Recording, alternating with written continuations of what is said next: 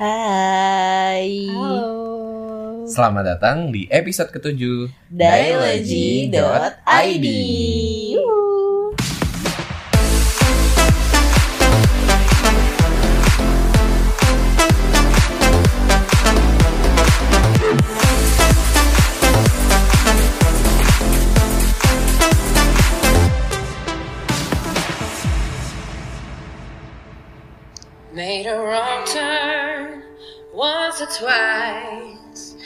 Dug my way out, blood and fire. Bad decisions, that's alright. Welcome to my silly life. Mm. Mm. Kenapa? Kokom kenapa? Sedih. Jijik. Temen lagi sedih malah dijijikin anjir. malah dijijikin gue gak ngerti lagi Mai sama lu Mai. Kenapa Kenapa kenapa? emang Cerita kenapa dong. kenapa? Hmm. Cerita ya, malah dilanjutin. Tadi. Gak banget nih, gak banget, gak banget. Gak banget, gak banget. Aduh. Oke oke oke. Tadi kenapa sih kok kita mau ngeplay lagu itu? Lagunya yang Pink maksud gue. Lebih untuk reminder aja sih Untuk Karena kan akhir-akhir ini Banyak orang yang ngerasa Lagi capek, lagi jenuh Hmm. Dengan keadaan yang ada hmm, Lagi kayak ngerasa Gue gak bisa ngapa-ngapain Merasa dibatasi gitu Nah ini adalah sebuah reminder aja buat kita bersama Kalau sebenarnya kalau lo ngeliat ke diri lo sendiri hmm. Lo itu juga bisa punya manfaat kok buat orang lain gitu Baru pembuka Gila, udah gila, gila, gila, gila. Udahan kali ya? Udahan aja. Udah aja kali ya, oke. See you on next episode. Kayak udah tercakup semua dari omongan lo tadi. Hmm. Tapi bener banget sih, Pi. Kayak gue sering banget, ya ampun sering banget, sedih banget ya kayaknya hidup gue. Sering kali. Sering kali. Acap kali, acap kali. Kayak orang bener anjing ngomongnya acap kali. Muka lu kan gitu dong, Pi. Sumpah gue gak bisa dia ngeliat tuh, Pi. Tapi bener banget sih, Pi. Gue sering ngerasain kalau eh, apa yang gue kerjain di kerjaan sekarang tuh kayak apa sih kok kayaknya cupu banget terus kayak gue Mhm. ngerasa kok kayak gue cuma bisa kayak gini doang deh kayak gitu loh padahal sebenarnya apa yang gue kerjain tuh sebenarnya membantu sekali eh, Perusahaan project lo. untuk mendapatkan duit. Nggak membantu project-project gue jalan dengan eh, baik dan benar kayak gitu-gitu. Tapi emang sering banget ngerasa kayak kok gue cuman kayak gini ya kerjaannya? Kok kayak yang lain tuh kayaknya kerjaannya lebih susah. Terus kok kayak gue cuman bisa kayak gini doang. Kayak gitu gue sering banget sih ngerasa kayak gitu. Jadi lebih ngelihat orang lain Mm-mm. lebih punya sesuatu dibanding diri lo. iya kayak kayak dia lebih pinter deh karena kerjaannya kayak lebih susah kok gue cuma gini-gini doang kayak gue dogol deh gitu Tapi lo pernah ngerasa ada titik di mana lo ngerasa pintar gak sih kamu? eh, ini gue serius Oh, serius. bukan maksud gue. Eh, ketika gue masuk kuliah itu gue ngerasa anjir men gue ternyata pinter karena gue dari ini kan dari ujian tertulis kan dan gue masuk gitu berarti gue kayak Oh. Tapi itu Wow. udah tujuh tahun yang lalu. Ya itu pencapaian pencapaian pencapaian terbaik gue Maya sedih banget hidup gue Eh tapi lo jangan salah. Karena aku kalau- tidak salah Ya, gue tau lo gak pernah salah. oke Kalau- thank you Karena kalau lo tadi mikirnya kayak gitu, Ah. tandanya sebetulnya di saat lo ngerasa lo nggak bisa apa-apa, Hmm. lo terbatas segala macam, lo masih punya pikiran bahwa oh, gue juga masih punya pencapaian kok, buktinya apa-apa-apa. oh berarti meskipun dari tujuh tahun yang lalu nggak masalah ya Nggak masalah dong. tuh kan Mae Karena kan pencapaian itu se- sesuatu yang pernah lo achieve di dalam diri lo kan. Hmm, meskipun cuma satu lo. itu Meskipun cuma Enggak, enggak.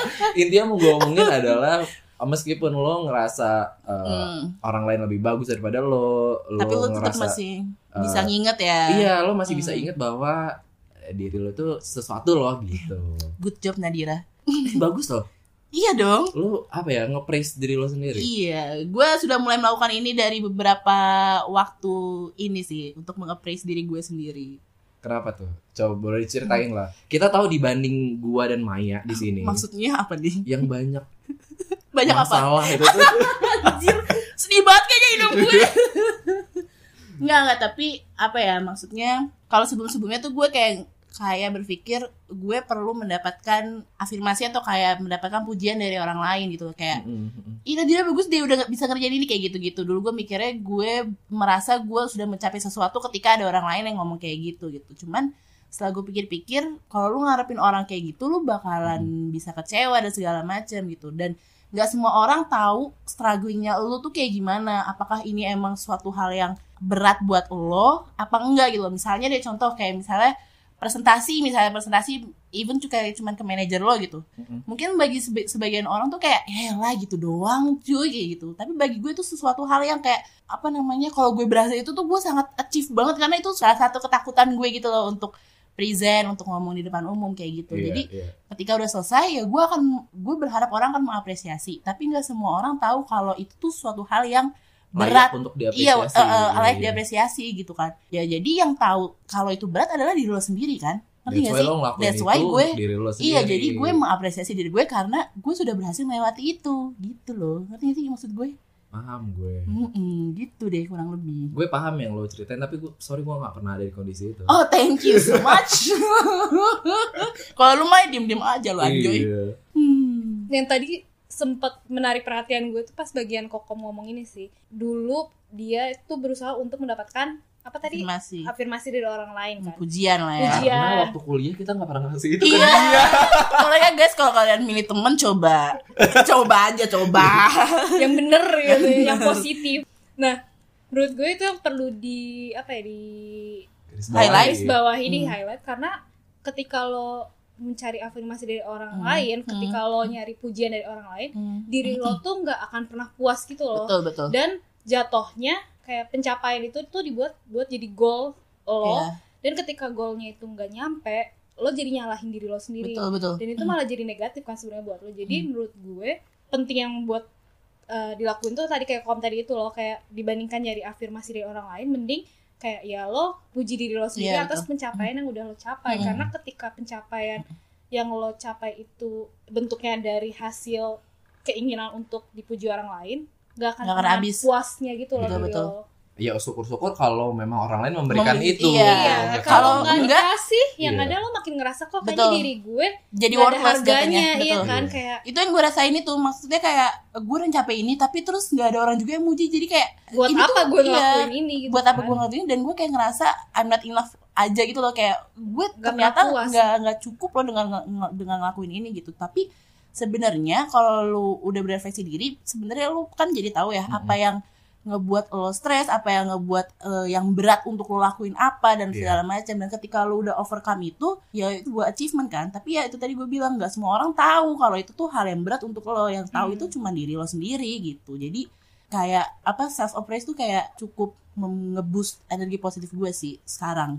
Gue pernah punya pengalaman. Jadi ini pertama kali gue kerja dulu Hmm. di tahun 2017 menuju gue mau resign berarti di awal 2018 hafal banget girl. Eh soalnya ini timeline hidupnya ini ya rapi ya. rapi. Kan gue ini appraise diri gue sendiri. Oke Oke. good job upa gini jadi dulu waktu gue mau resign eh, manajer gue tuh bilang kayak gini mungkin kita jadi kan tim gue dulu tuh rame gitu mungkin kita jarang untuk bisa ngecekin eh, apa yang udah lo kerjain. kamu kerjain apa yang udah kamu capai segala macam gitu tapi yang mau saya bilang sebelum eh, akhirnya nanti kamu pergi dari sini lepas dari sini gitu ya dari sini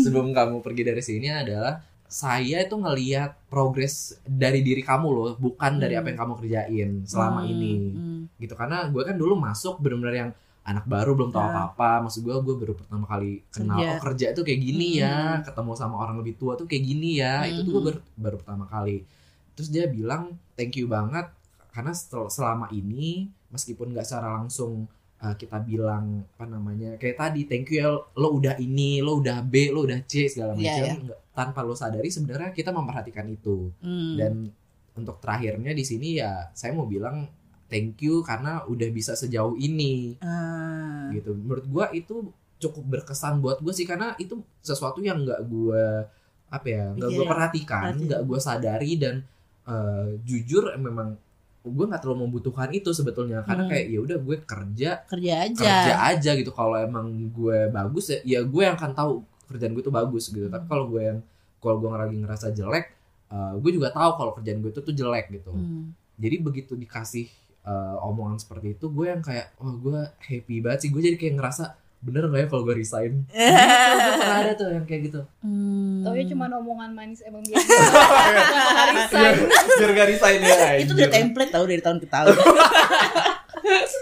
bener juga ya Iya. gue baru kepikiran mesti kesenengan gitu. Tapi gue salut sih sama orang-orang yang bisa ngeapresiasi dirinya sendiri. Mm-mm. Karena menurut job, gue Nadira. itu salah satu bentuk dari self love atau gimana cara Hmm. Lo bisa uh, mencintai diri lo sendiri. Hmm. I love myself wow self love itu berat ya berat Berat atau enggaknya menurut gue depends ke orang yang ngelakuinnya sih. Hmm. Mungkin ada orang yang ngerasa self love tuh mudah untuk dilakukan karena emang dia udah terbiasa untuk mengapresiasi Apresiasi. dirinya sendiri, Hmm. untuk uh, mencari tahu dirinya tuh kayak gimana, tahu gimana cara menghadapi dirinya sendiri. Tapi ada juga mungkin orang yang ngerasa self love tuh sulit untuk dilakukan karena ya itu tadi nggak terbiasa untuk mengapresiasi diri atau kecenderungan untuk menilai diri itu secara negatif aja gitu sukanya ngekritik Ah, diri iya, iya, gitu iya. nah itu Hmm. akan jauh lebih susah untuk melakukan self love dibanding orang-orang yang mungkin lebih bisa untuk mengapresiasi dirinya sendiri Hmm. oh kayak kalau kata orang tuh kayak bisa karena biasa ya oh kak wow Iya sih? benar Iya. sih gue setuju sih kalau menurut gue emang self love itu uh, bisa dilakukan karena lo pelan-pelan Hmm. belajar untuk gimana caranya lo bisa mencintai diri lo sendiri nggak ujuk Menerima. meneri iya gimana caranya lo menerima diri lo sendiri nggak mungkin lo lo ujuk-ujuk kayak ah gue sayang sama diri gue sendiri tapi kayak random lo nggak pernah lakuin itu pasti aneh kan iya jadi iya menurut gue kayak self love itu bisa muncul ketika lo pelan-pelan berusaha untuk uh, menerima diri lo sendiri terus kayak ya walaupun awalnya gue juga merasa itu cringe kayak iya. Gitu kenapa Iya, iya, sih? iya, iya. kenapa? Gitu Gini, gini, kan. Gini, tapi gitu. kayak ternyata setelah lo lakuin itu ada banget manfaatnya buat diri gue sendiri gitu loh. Hmm. Tapi iya banget sih Mai. Karena eh, apa yang iya banget? Oh iya bener. Kayak Sri Mulat ya. Toprak. Humor Tadi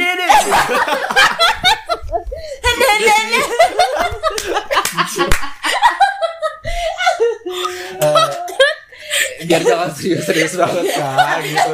Cuma kedengeran suara kak. Oh, iya. Mereka juga gak bisa lihat loh kita lagi ngapain. Tapi kalian tahu gak sih kak kalau kita lagi Apa kebayang di otak kalian?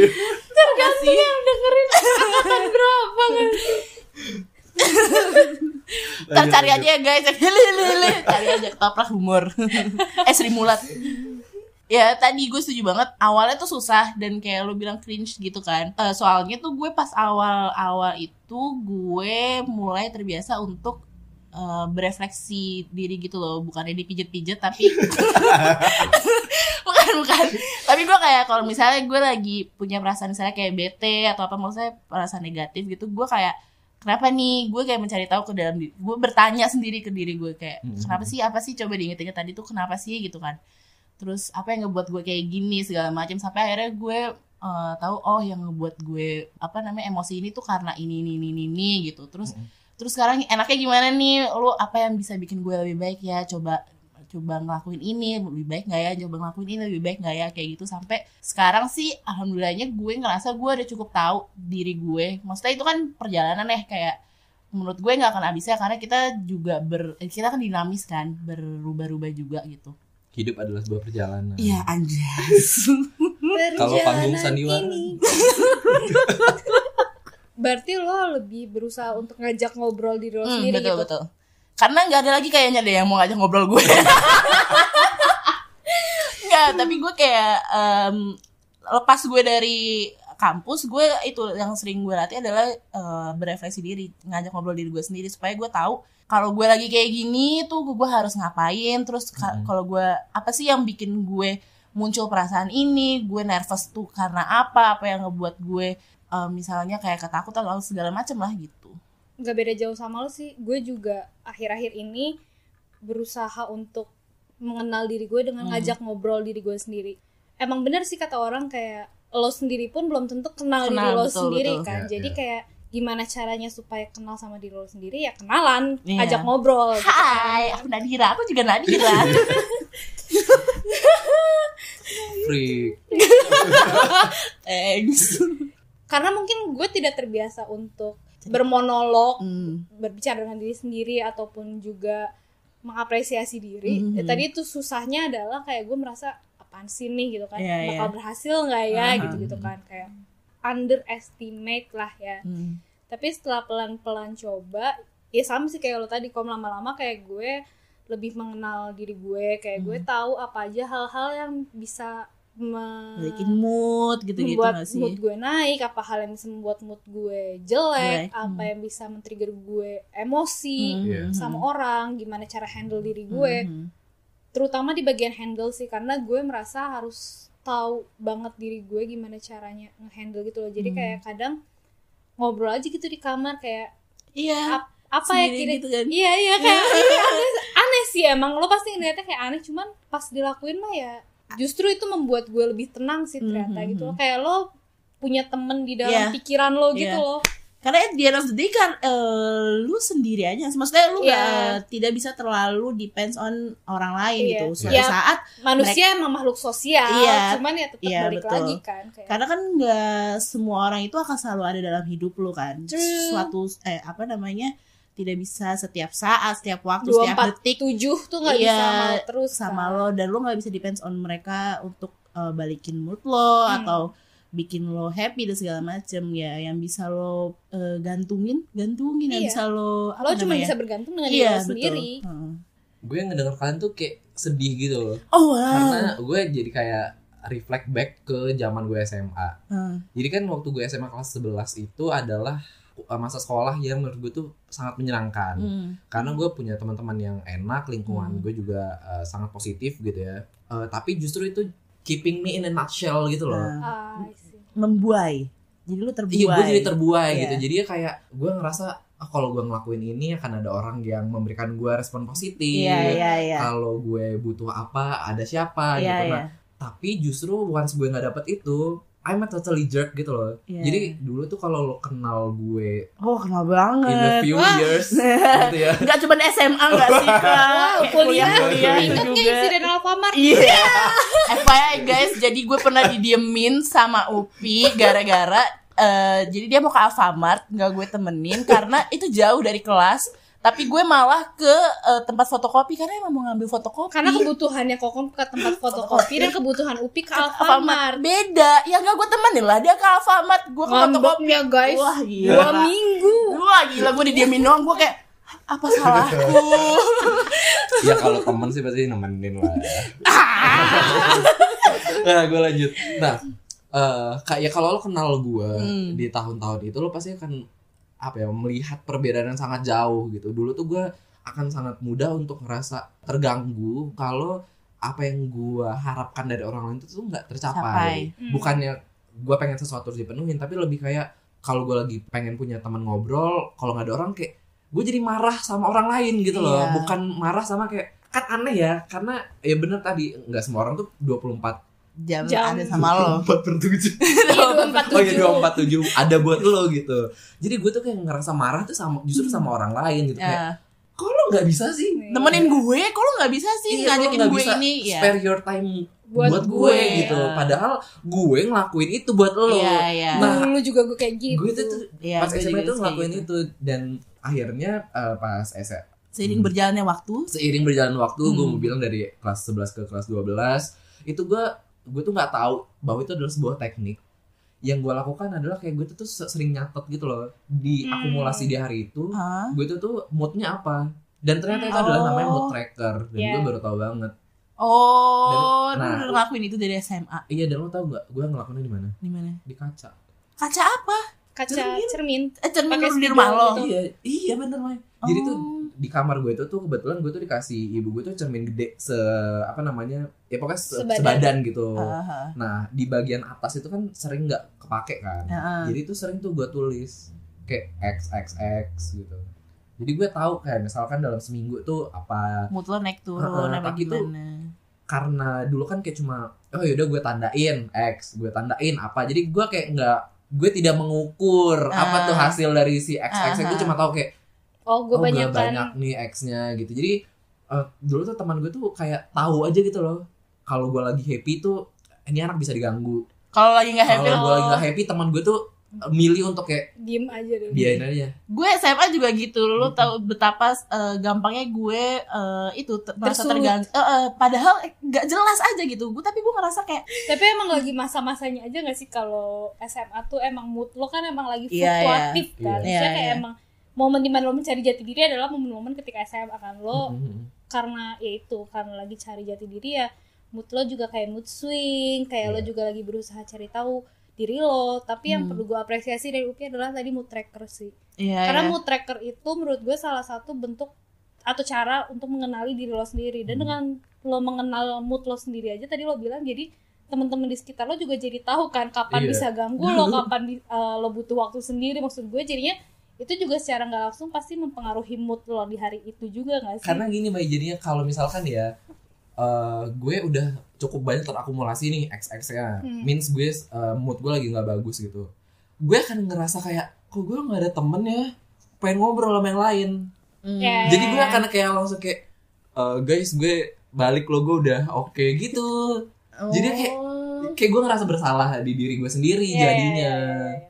Oh gue harus eh, balik lagi nih moodnya biar teman gue eh, ada, ada lagi, lagi.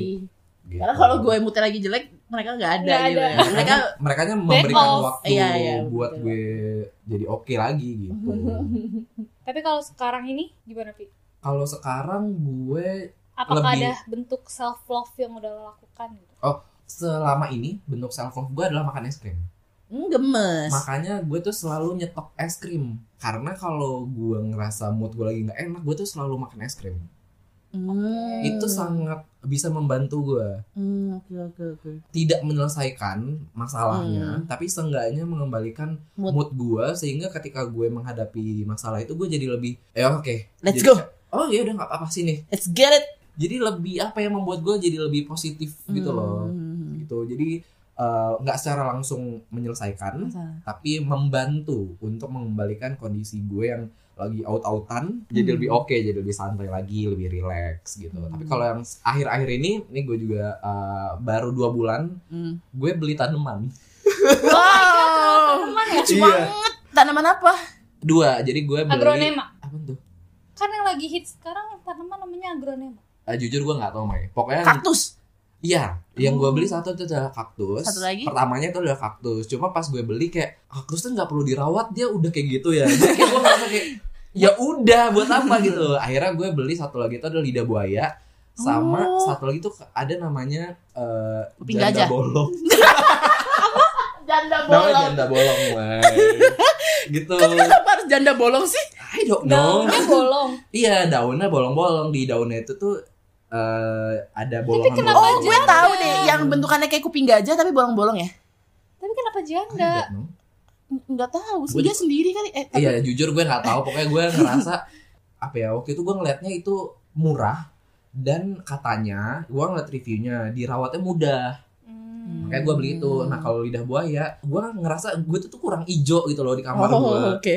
Si dari tanaman itu gue kayak mencurahkan emosi gue gitu loh buat Ah. merawatnya dan sekarang tuh dia lagi uh, proses menumbuhkan satu daun gitu si janda bolong itu jadi Si gue janda bolong jadi gue happy gitu loh tiap pagi kayak ngeliatin oh udah udah tumbuh. Iya, udah tumbuh ya. nih daunnya udah udah ngapain gitu gemes. gitu sih self love gue sekarang Kalau lo ke tanaman, kalau gue lebih ke membatasi diri gue bermain sosial media. Ah. Hmm. Bentuknya beda kan, Hmm. tapi ya sama ujung-ujungnya self love juga soalnya eh, gue dari dulu terbiasa untuk membandingkan diri gue dengan orang lain. Gila, lu Benca- gue ya, Mai? Oh. Sama. Iya, enggak. Kayak gue terbiasa untuk membandingkan diri gue dengan orang lain. Terbiasa ngeliat irian gitu loh, orangnya Iya, iya. irian. Ah, ah, ah. Apalagi kalau menyangkut orang-orang yang lagi liburan. Oh, gue seneng iya. banget liburan, sedangkan kan uang terbatas ya kan, belum berpenghasilan, duit kuliah mahal, kayak Heeh. kurang ajar gitu kalau minta duit kuliah iya, tapi minta uang jajan buat Liburan liburan juga. juga. gitu kan, anak laknat gitu kan. Jadi kayak kadang jadinya malah kesel sendiri gitu loh kayak Mm-mm. Kenapa sih orang bisa jalan-jalan tapi gue malah di sini aja gitu loh kayak nggak bisa ke mana-mana. Gue Hmm. stuck sama tugas-tugas gue gue Iya. pusing sedangkan orang lain di sana refreshing gitu kan. Tapi ada satu hal yang gue lewatin. Ya gue di sini lagi ngejar mimpi gue sedangkan Hmm. ya mungkin dia lagi melepas penat. Ngerti gak sih? Kayak beda dari konteksnya semua Dari- pekerjaan dia eh, apa Iya, emosi-emosi negatif iya yang maksud gue kumpul gitu. Atau bisa aja ya emang gue di sini lagi susah sekarang tapi nanti kan endingnya gue bisa kayak dia gitu loh terus kayak tapi gue sadar gara-gara gue sering main sosmed terutama IG karena IG merupakan biang penyakit Betul, menurut betul. gue Mm-mm. jadi gue benar-benar membatasi eh, waktu gue bermain IG terutama ngeliatin story-story orang betul betul karena pemicu segala pemicu adalah story IG Story, orang-orang iya. menurut gue iya Uh, sekarang itu gue sebisa mungkin seminggu paling buka buka IG sih setiap hari cuman paling cuman ngeliat story beberapa temen deket doang terus Mhm. kayak abis itu udah matiin lagi dan itu efeknya berasa banget sih buat gue jadi Mhm. kayak gue nggak peduli orang mau ngapain gitu Iya, loh iya. kayak maksudnya kayak ya jangan jadi gue nggak membandingkan diri gue dengan Hmm. orang lain sih intinya itu dan gue jadi lebih menikmati apa yang gue punya jalani. sekarang apa yang gue jalani sekarang dan jatuhnya jadi bisa lebih bersyukur. Hmm. ngomongin IG mungkin kalau lo juga aware gue tuh orang yang nggak pernah ngebuka instastory itu nyampe akhir. Paling gue tuh ngebuka instastory itu kayak cuma tiga orang Hmm. yang muncul paling utama. Dan itu pun siapa? Lo sama lo.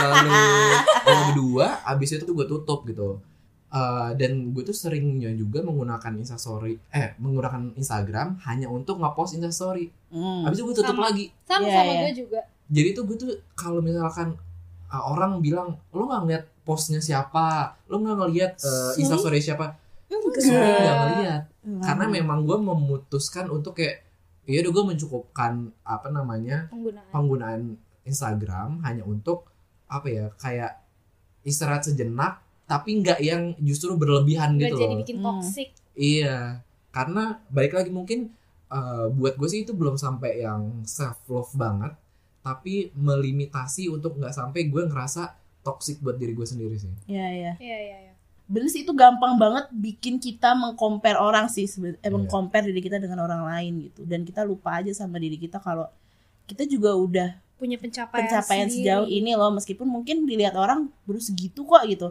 tapi kalau misalnya kita ngerasa tapi udah segitu aja tuh kayak Udah gue effortnya udah gede loh gue Mm-mm. udah ini loh ya gue mengapresiasi diri gue sendiri lah meskipun gak datang dari orang lain gitu yang cukup aman ya gue nggak tahu nih gue bilangnya menurut pendapat gue pribadi yang cukup aman tuh sebenarnya Twitter sih.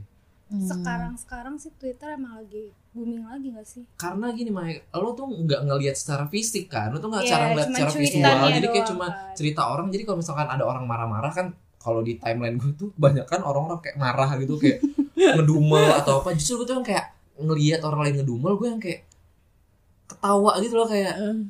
oh hidup lo kayak gini ya. Ya, Untung gue ya, enggak gitu jadi kayak gue gak tau jadi jahat bikin atau enggak. bersyukur Iya, gue gue gak tau jahat atau enggak tapi jadi kayak lebih bikin gue ya Allah ada yang lebih parah, ya Parah, daripada iya, gue iya, gitu. iya. Jadinya jahat gak sih gue? enggak juga Enggak sih juga sih menurut gue Oh iya dah, gue butuh afirmasi. oke asal jangan lo omongin aja ke Oh, dia iya. ke orangnya kayak begitu ketemu kayak eh hidup lo gini aja Iya, jangan gitu juga. Udah, nice infogan aja buat diri lu. Itu jadi penting tapi ya be tahu, smart aja. iya, iya, be smart sih. Dan tahu limit diri lo sendiri juga gak sih? Se kayak gimana yang bisa mempengaruhi lo, kayak gimana yang Mm. yang fine untuk diri lo sendiri. gitu. ngomongin tentang self love juga ya kalau lo tanya nih kayak kalau sekarang berarti lo udah eh, ada di tahap bisa mencintai diri lo sendiri gitu jawabannya juga ya gue juga masih berusaha sih Mhm. maksudnya bukan berarti sekarang gue udah ya Pro gue banget. udah Pro pro banget mencintai diri gue sendiri gue udah Enggak juga. menerima diri gue Hmm. apa Kadang masih adanya hilaf gitu. kadang mah hilaf mah Iya, kalau lagi capek terus kayak, "Eh, kenapa gue di sini-sini aja?" Iya. Ya Allah sedih banget sih. gitu. Dan yang paling susah buat gue self love adalah tentang look, ngerti gak sih? Ah, Susah banget Ya, gak ya, sih? ya, itu betul, susah betul, banget betul. gak Itu sih? Karena banget. perbandingannya tuh Banyak. banyak, banget gitu ada yang bilang dengan tubuh lo yang sekarang ya lo fine fine aja ada yang Hmm. bilang dengan tubuh lo yang sekarang kayak oh lo nggak kelihatan cantik kalau kayak gini Hmm. jadi kayak yang mana nih yang bis Hmm. yang yang baiknya gue terima gitu kan dan itu hal yang masih eh, cukup challenging, challenging terima. buat gue terima Mhm. supaya gue bisa lebih mencintai diri gue sendiri Mhm. Iya, iya, iya. cuman ya bukan berarti gue nggak suka diri gue sendiri juga guys Aduh, suka kesel. kok cuman ya Masih ada cumannya ya, Kak. Enggak cuma apa-apa. masih ngerasa ada Iya. jeleknya aja gitu belum puas Mhm. Kalau masalah lu gue setuju abis karena gue eh, dari dulu sih kalau gue maksudnya kayak dari SMA juga eh, yang gue masih inget adalah eh, dulu gue pernah lari-larian gitu terus gue ngangkat rok kan. Ngangkat rok bukan berarti gue ngangkat sampai atas ya guys. Maksud gue kayak lu ngerti kan ngangkat Iya, iya, rok kan iya. lo harus lari. Eh, itu gue yang paling gue ingat adalah gue waktu itu pernah lari terus eh, lagi ngangkat rok gitu terus tiba-tiba ada temen gue yang ngomong gila kok eh, betis lo tuh gede banget. Terus itu gue kayak keinget sampai sekarang banget gitu. Astagfirullah. Enggak, tapi gue kayak dulu tuh gue kayak anjir cukup ter ter tertohok kan, Eh. tertohok gitu kan. Tapi terus gue kayak oh ya udah. Sekarang sekarang ini gue malah jadi kayak gue bisa men- menertawakan itu gitu loh. Maksudnya Eh, eh, gue sekarang lebih kayak ya udahlah mau gimana? Eh, bukan mau gimana kayak pasrah banget gue ibarat eh, ya udah that's the way you are gitu gak sih? Ya gue mau ubah bisa mungkin. Cuman kalau gue berubah untuk orang lain buat apa gitu? Maksudnya ya ya benar memuaskan uh, orang memuaskan lain. orang lain hanya untuk pleasing their eyes atau hanya untuk gak dapet celaan dari orang lain atau gitu. untuk Karena memenuhi standar, standar orang, orang, lain lain nih betul tapi gue kayak ya udah gue masih eh gue nyaman kok dengan diri gue kayak gini gitu maksudnya gue lebih memilih mana suara yang mau gue masukin ke dalam Hmm. gitu loh maksudnya Iya. um, Mana yang mau terima, Mana yang mau gue terima, iya, saring betul. gitu ya. karena pas gue baru berhijab itu baru-baru ini waktu gue Oh, masih Hari. ya, Kom? Oh masih, Oh, masih. alhamdulillah doain ya guys. Jadi waktu pas hari pertama ke hari kedua gitu, terus ada teman kantor gue yang eh, bilang kayak, kok nggak cocok ah, coba coba coba coba gitu kan. Nah, terus ajar juga tuh. terus tak dulu, terus gue gue nanggepinnya kayak eh, gue bercandain karena memang gue sama dia suka bercanda kan, dan Hmm. gue menganggap itu bercandaan aja gitu. Iya. Tapi gue waktu itu ada temen kantor gue juga yang dekat sama gue.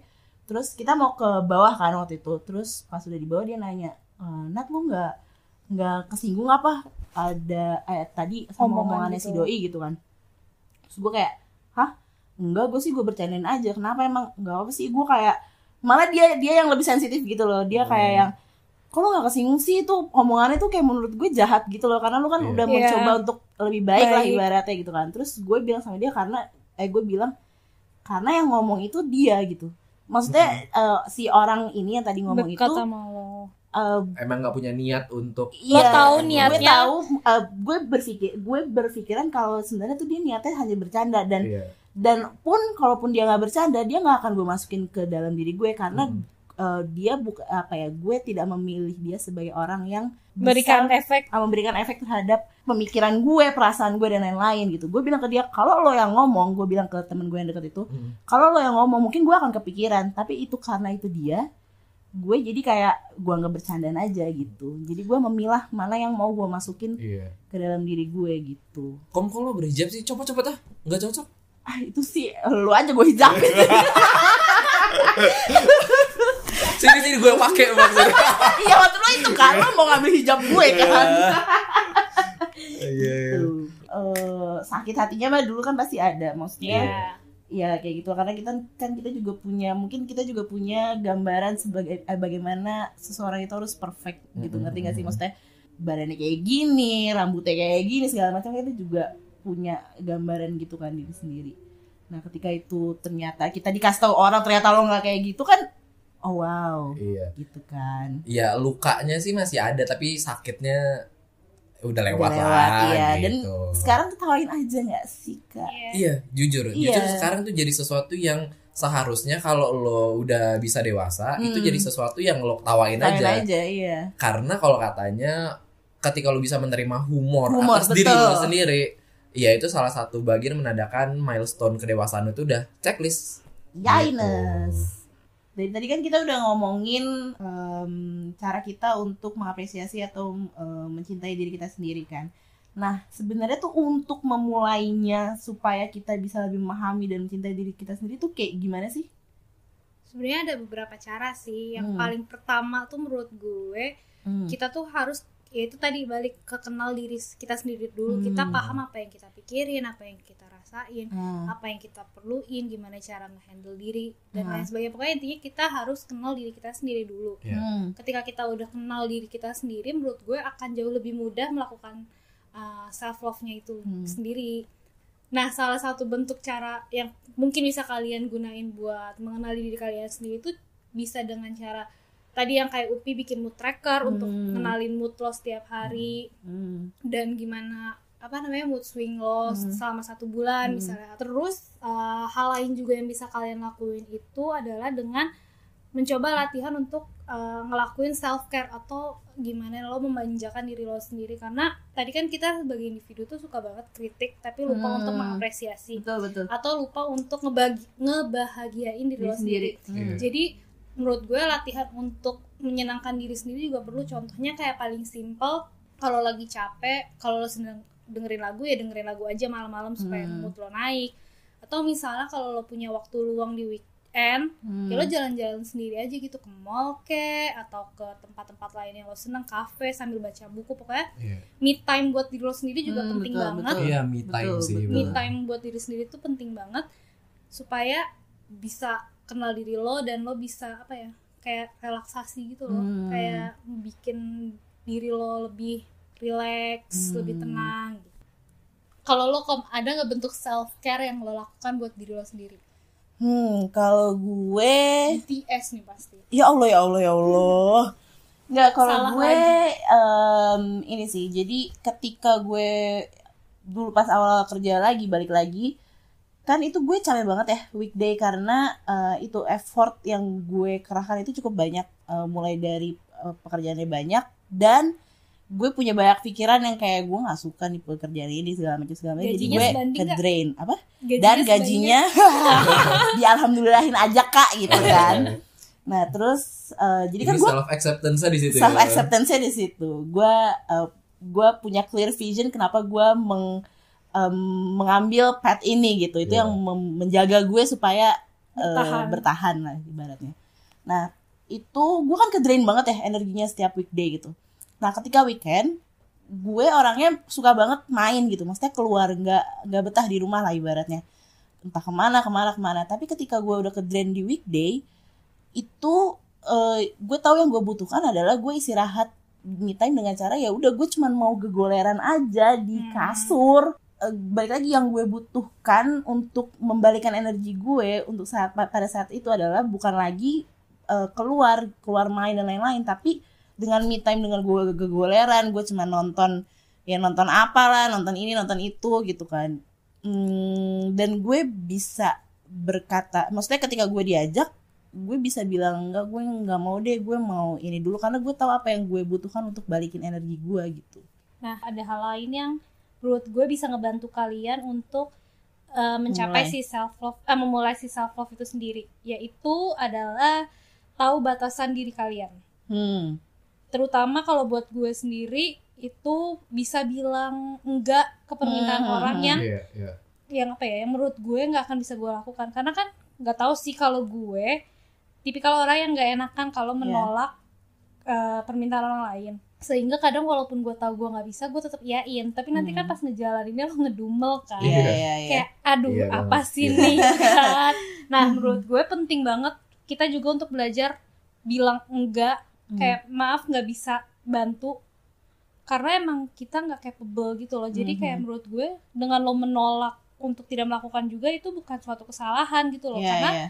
lo tahu diri lo nggak bisa dan lo eh, tahu juga ketika kalau misalnya lo iyain itu akan berdampak negatif ke mood. negatif ke mood lo Iya. ya mendingan lo bilang enggak di awal Hmm. gitu dan emang itu menurut gue salah satu hal yang penting untuk kita pelajarin sih maksudnya kayak pelan-pelan berusaha bilang enggak ketika emang lo ngerasa lo nggak mau ngelakuin Jadi Tuh, saling mau menjaga nggak ekspektasi mampu. aja. Iya, betul. ya betul ekspektasi. saling menjaga ekspektasi karena manusia nggak bisa lepas kak dari ekspektasi yang bisa membuat kecewa nggak sih Tapi kalau dari ekstasi, wow,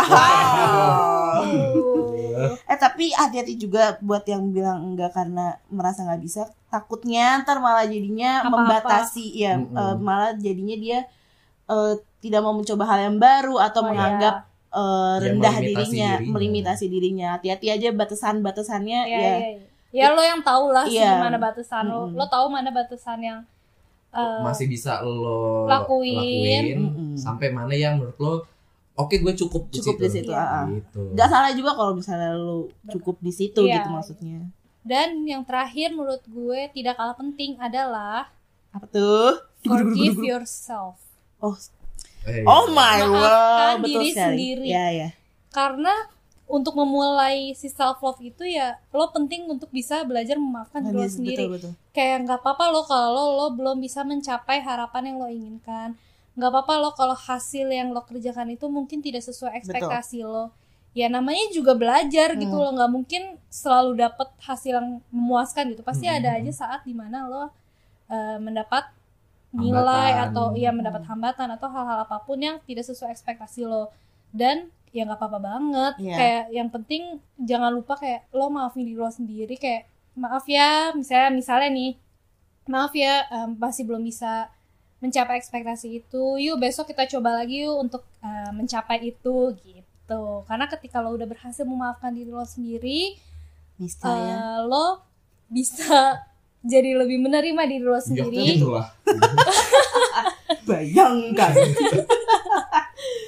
dan si self love nya itu lama-lama jadi terbentuk sendiri gitu Itu menurut gue yang cukup sulit sih forgive yourself menurut ya gue ya. itu perlu belajar pelan-pelan Hmm. emang Sulit tapi bisa. Sulit tapi bisa. Lu pernah gak sih kayak lu ngelakuin suatu hal yang menurut lu kayak kayaknya kurang deh, tapi terus kayak ya ampun tapi lu udah sejauh ini kok lu udah hebat Hmm. banget loh. Dan itu tapi lu jadinya jadi kayak terharu sendiri gak sih? iya iya Gue tuh kayak suka suka kayak gitu terus gue kayak ngerasa terharu sendiri kayak anjir ya juga ya gue udah sejauh ini nih gue gue udah sekuat ini ibaratnya gitu kan terus kayak ih, sedih. nggak apa-apa Nggak, terus kayak Self love kan. Oh iya bener Terus kayak ya udah gue udah sampai sejauh ini kok gue udah maksudnya kalau lu ngebandingin mungkin lu merasanya belum seberapa tapi kalau lu lihat kayak perjalanan misalnya lu udah kayak kita sekarang saya 25 tahun lu udah ngejalanin banyak segala hal lah banyak ini banyak itu udah bikin lu lu udah pokoknya ibaratnya udah ditempa cukup banyak lah ya sama hidup gitu. Terus tapi lu lu berhasil sampai titik sekarang gitu itu udah cucok gitu loh. Jadi kalau misalnya lu pernah ngelakuin suatu kesalahan atau lu ngerasa lu not enough atau segala macam ya just forgive yourself lah karena lu udah cukup hebat kok sampai sekarang gitu. Anjas. Intinya adalah kalau ngomongin tentang self love, self acceptance, hmm, self forgiveness adalah ya lo harus berani untuk deal with yourself. betul Karena yang tahu diri lo adalah diri Diri lo lo sendiri. Yang bisa nentuin mau ke mana ke mana, nentuin seberapa kuat kapasitas, kapabilitas diri lo ya diri lo sendiri. Orang lain akan berperan, tapi mungkin hanya sebagai validitas aja buat lo. Hmm. dia akan berpengaruh terhadap hidup lo ketika emang lo meng mengiyakan Mengizinkan mengizinkan mereka, mereka untuk mempengaruhi. mempengaruhi diri lo sendiri. Jadi sebenarnya emang semuanya Yang balik punya lagi. kuasa yang ya punya diri kuasa atas diri lo ya adalah diri diri lo sendiri. sendiri. Kayak kalau gitu jangan sedih-sedih lagi ya kom ya. enggak gue gak sedih. Nggak bisa gue kalau ngeliat teman gue sedih.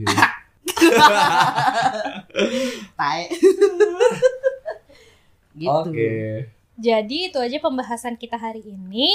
Dan mungkin tadi itu beberapa bentuk self love yang udah kita lakukan ke diri kita sendiri Nah, buat kalian-kalian jangan pernah lelah dan jangan pernah menyerah untuk coba eh, mencintai diri kalian sendiri. Oke, kita akan ketemu lagi di episode yang akan datang. Bye bye. Dah.